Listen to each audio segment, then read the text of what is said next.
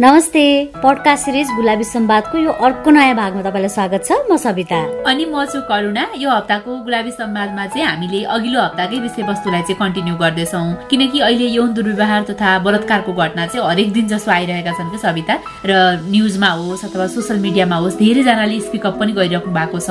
धेरै पहिलादेखि आफूले भोगिराखेको दुर्व्यवहार हिंसा जुन चाहिँ बोल्न सकिराख्नु भएको थिएन भन्न सकिराख्नु भएको थिएन अहिले चाहिँ बिस्तारै मैले बोल्नुपर्छ भनेर चाहिँ धेरैजनाले स्पिकअप गरिराख्नु भएको भयो। भएर हामीले आज पनि त्यही विषयकै कुराकानी गर्दैछौँ।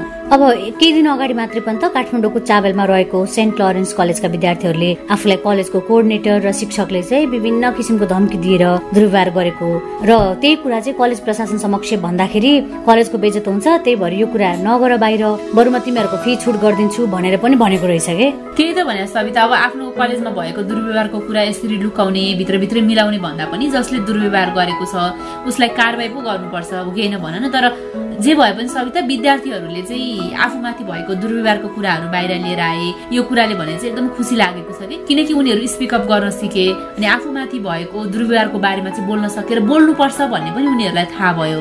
तर हेर न अझै पनि कतिजना चाहिँ आफू माथि दुर्व्यवहार हुने बित्तिकै बोल्न सक्दैनौँ हामी होइन? आफ्नो कुराहरूलाई भन्न सक्दैनौँ। अझ कतिपय समयमा त झन् म माथि भएको कुरा के हो? दुर्व्यवहार हो कि होइन भनेर छुट्याउन पनि सक्दैनौँ कि?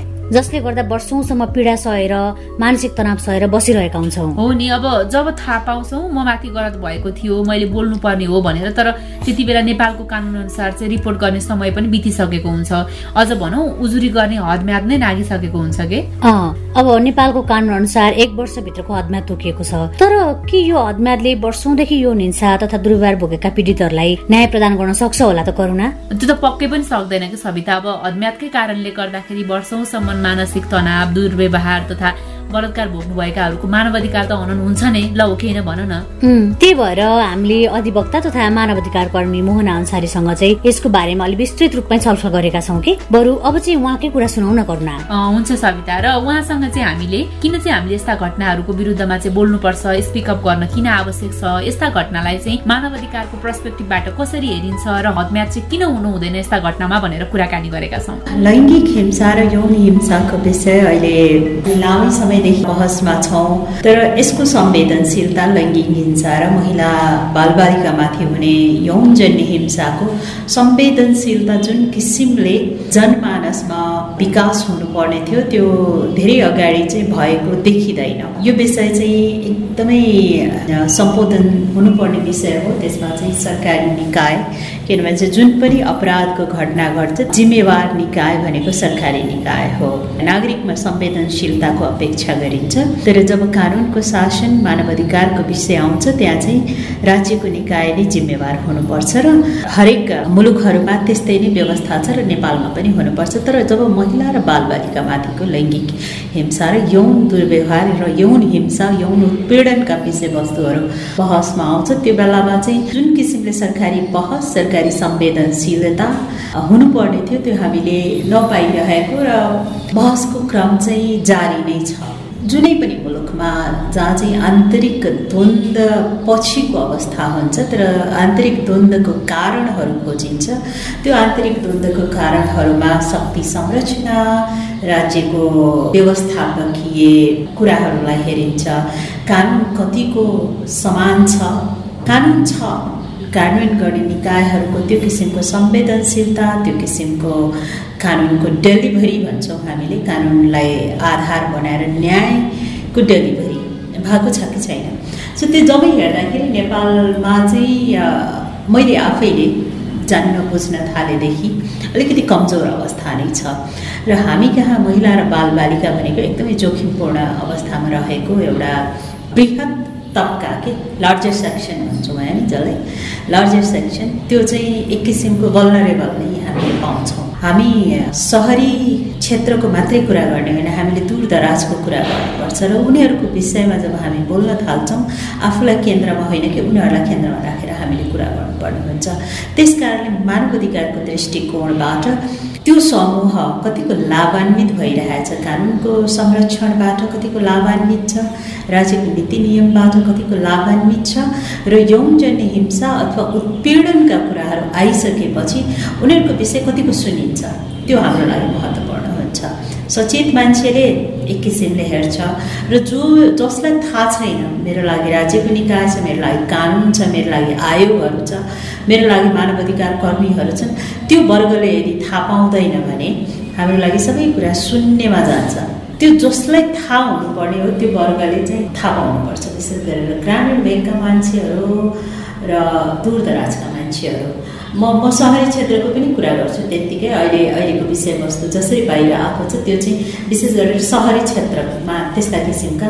जसरी हामी हामी आधुनिकता अगाल्दै गइरहेका छौँ आधुनिकता सँगसँगै केही कुराहरू व्यक्तित्वको रूपमा पनि हाम्रो अगाडि देखिएको छ। तर फेरि हामीलाई दुवै कुरालाई व्यवस्थित गरेर पनि अगाडि बढ्नु छ। एउटा कुरा के व्यवस्थित गर्नु छ भन्दाखेरि मान्छेको सचेतनाको स्तर चाहिँ माथि गइसकेको र त्यो सचेतनाको स्तर यदि माथि गइसकेको छ भने उसले राज्यसँग आफ्नो सम्बन्ध विस्तार गर्छ। र राज्यसँग उसले सम्बन्ध विस्तार गर्दै जाँदाखेरि उसले न्यायको पनि त्यही किसिमले अपेक्षा गर्छ। राज्यको कानुन छ यो राज्यको निकायबाट म गयो भने मेरो कुराहरू राम्ररी सुनिन्छ मलाई सम्बोधन गरिन्छ। र राज्यको निकाय हामीले हेर्दाखेरि प्रहरी प्रशासन आयोगहरू त्यसै गरेर अब मन्त्रालय हुनसक्छ संसद हुनसक्छ जनप्रतिनिधिहरू हुनसक्छ तर जसरी महिला हिंसाका घटनाहरू यौन दुर्व्यवहारका घटनाहरू सार्वजनिक हुन्छन् त्यो सार्वजनिक हुनु एउटा कुरा हो।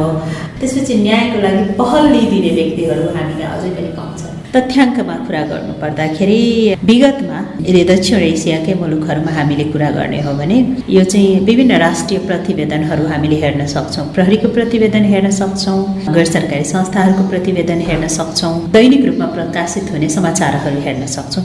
नेपाल प्रहरीले के भन्छ भन्दाखेरि कोभिडभन्दा अलिकति अगाडिदेखिको तिन वर्षको दौरानमा नेपालमा अठार वर्ष मुनिको बालिकाहरू बैसठी दशमलव चार प्रतिशत यौनजन्य हिंसाबाट पीडित छ। यो नेपाल प्रहरीको। मैले यो आधिकारिक तथ्याङ्क किन भन्न चाहेँ यहाँहरूलाई? यहाँहरूको कार्यक्रम मार्फत। किनभने चाहिँ यो सबैभन्दा ठुलो जमात हो कि हामीसँग युवाहरूको जमात एकदमै ठुलो छ। र जुन देशमा अठार वर्ष मुनिको बालिकाहरू हाराहारी त्रिसठी प्रतिशत बालिकाहरू यौन शोषणको शिकार छन् भने त्यो देशको विकास कसरी हुन्छ? हामीले पपुलेसन वाइज कुरा गर्ने भने आधीभन्दा बढी फिमेलको सङ्ख्या छ महिलाको सङ्ख्या।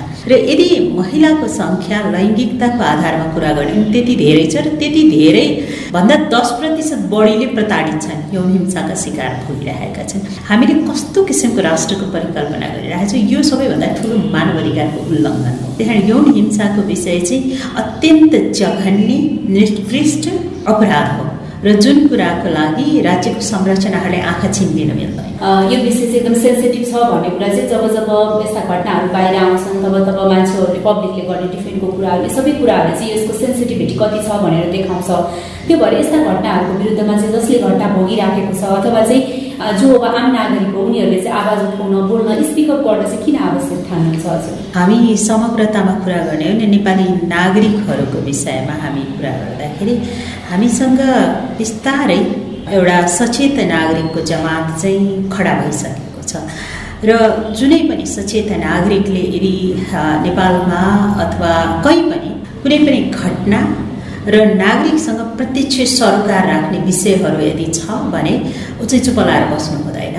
र यौनजन्य हिंसाको विषय चाहिँ नागरिकसँग प्रत्यक्ष सरोकार राख्ने हरेक घरभित्र अब भनौँ न कोहीले बोल्ला कोहीले नबोल्ला घरभित्र घटनाहरू घटिरहेका छन् र सबैभन्दा ठुलो कुरो के छ भन्दाखेरि यस्ता घटनाहरू छरछिमेक र नजिकको नातेदारहरूबाट घटाइएको छ।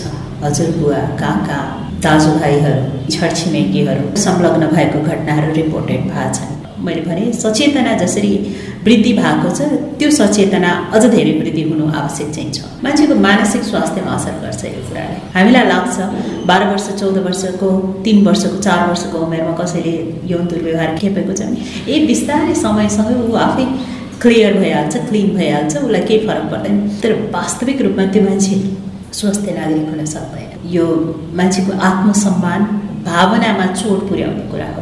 यौन हिंसाको रिपोर्ट गर्नको लागि मान्छेलाई यति धेरै आत्मबल चाहिन्छ र त्यो आत्मबल जुटाएर मात्रै उसले बोल्न सक्छ।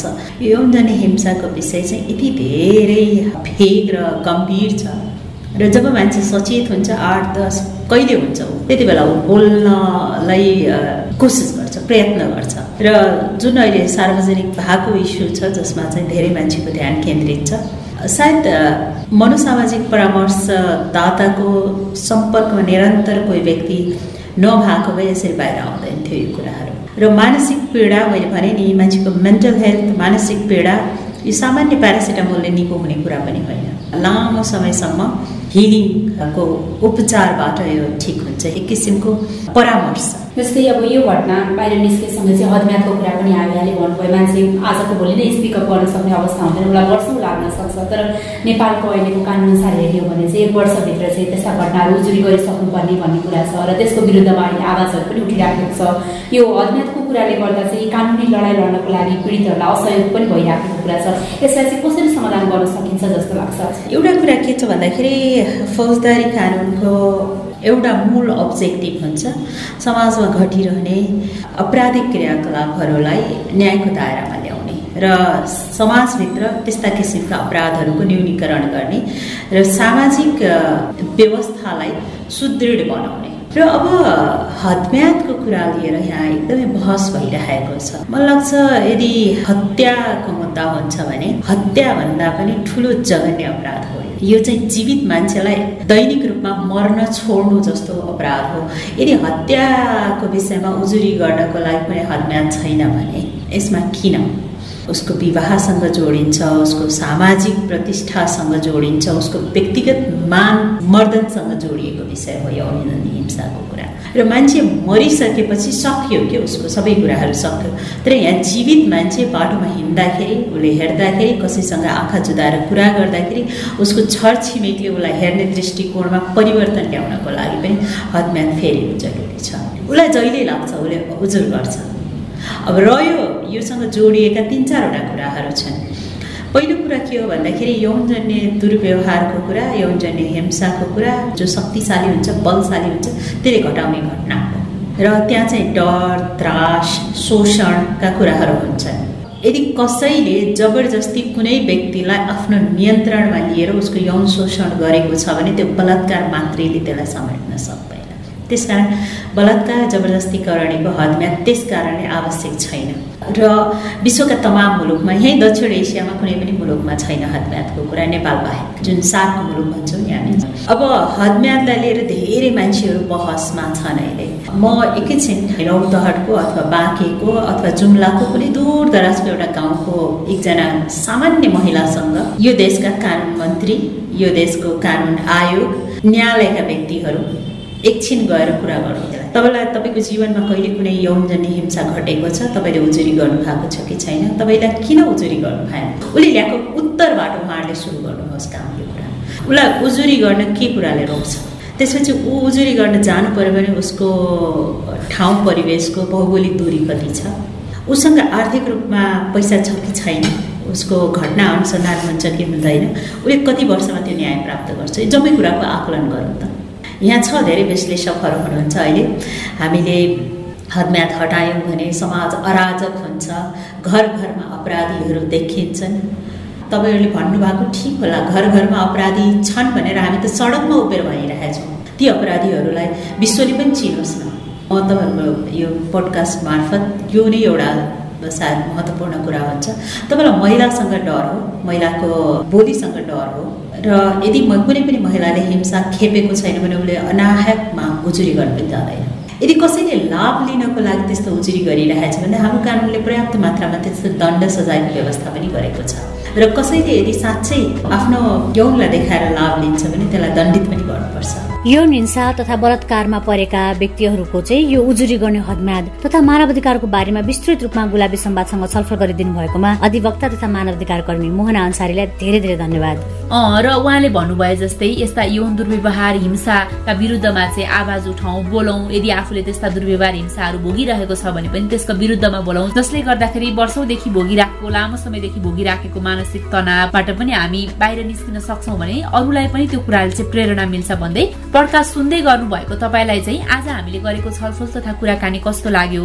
आफ्ना कुरा हामीलाई भन्न र आगामी दिनमा यौन तथा प्रजनन स्वास्थ्य र अधिकारभित्र पर्ने चाहिँ के कस्तो कुरा तपाईँ पडकास्ट मार्फत सुन्न चाहनुहुन्छ भनेर जानकारी गराउन चाहिँ नबिर्सिनु होला त्यसको लागि हाम्रो इमेल रहेको छ Gulabi Sambad at Gmail dot com G U L A B I S A M B A D Sambad at Gmail dot com अथवा हाम्रो सोसियल मिडियाहरू फेसबुक ट्विटर टिकटक इन्स्टाग्राम र युट्युबमा हामी गुलाबी सम्वाद नाममा छौँ। तपाईँले गुलाबी सम्वाद सर्च गरेर हामीसँग त्यहाँ प्रत्यक्ष र अप्रत्यक्ष रूपमा छलफल पनि गर्न सक्नुहुन्छ। त्यस्तै तपाईँले हाम्रो पडकास्ट र सँगसँगै चाहिँ किशोर किशोरीले लेख्नुभएका गुलाबी उमेरका आफ्ना गुलाबी भोगाईहरू हाम्रो website W W W dot Gulabi Sambad dot कममा प्रकाशित छन्। ती सामग्री पनि तपाईँले पढ्न सक्नुहुनेछ र तपाईँको पनि त्यस्तै खाले अनुभवहरू छन् भने हामीलाई लेखेर वा रेकर्ड गरेर पठाउन सक्नुहुनेछ। त्यसै गरी तपाईँले हाम्रो यस पडकास्ट श्रृङ्खला Gulabi Sambad at in stock anchor dot एफएममा गएर गुलाबी सम्वाद सर्च गरेर सुन्न सक्नुहुन्छ। त्यस्तै गरी हाम्रो पात्रमा गएर पनि तपाईँले गुलाबी सम्वाद सर्च गरेर हरेक हप्ता कार्यक्रम सुन्न सक्नुहुन्छ।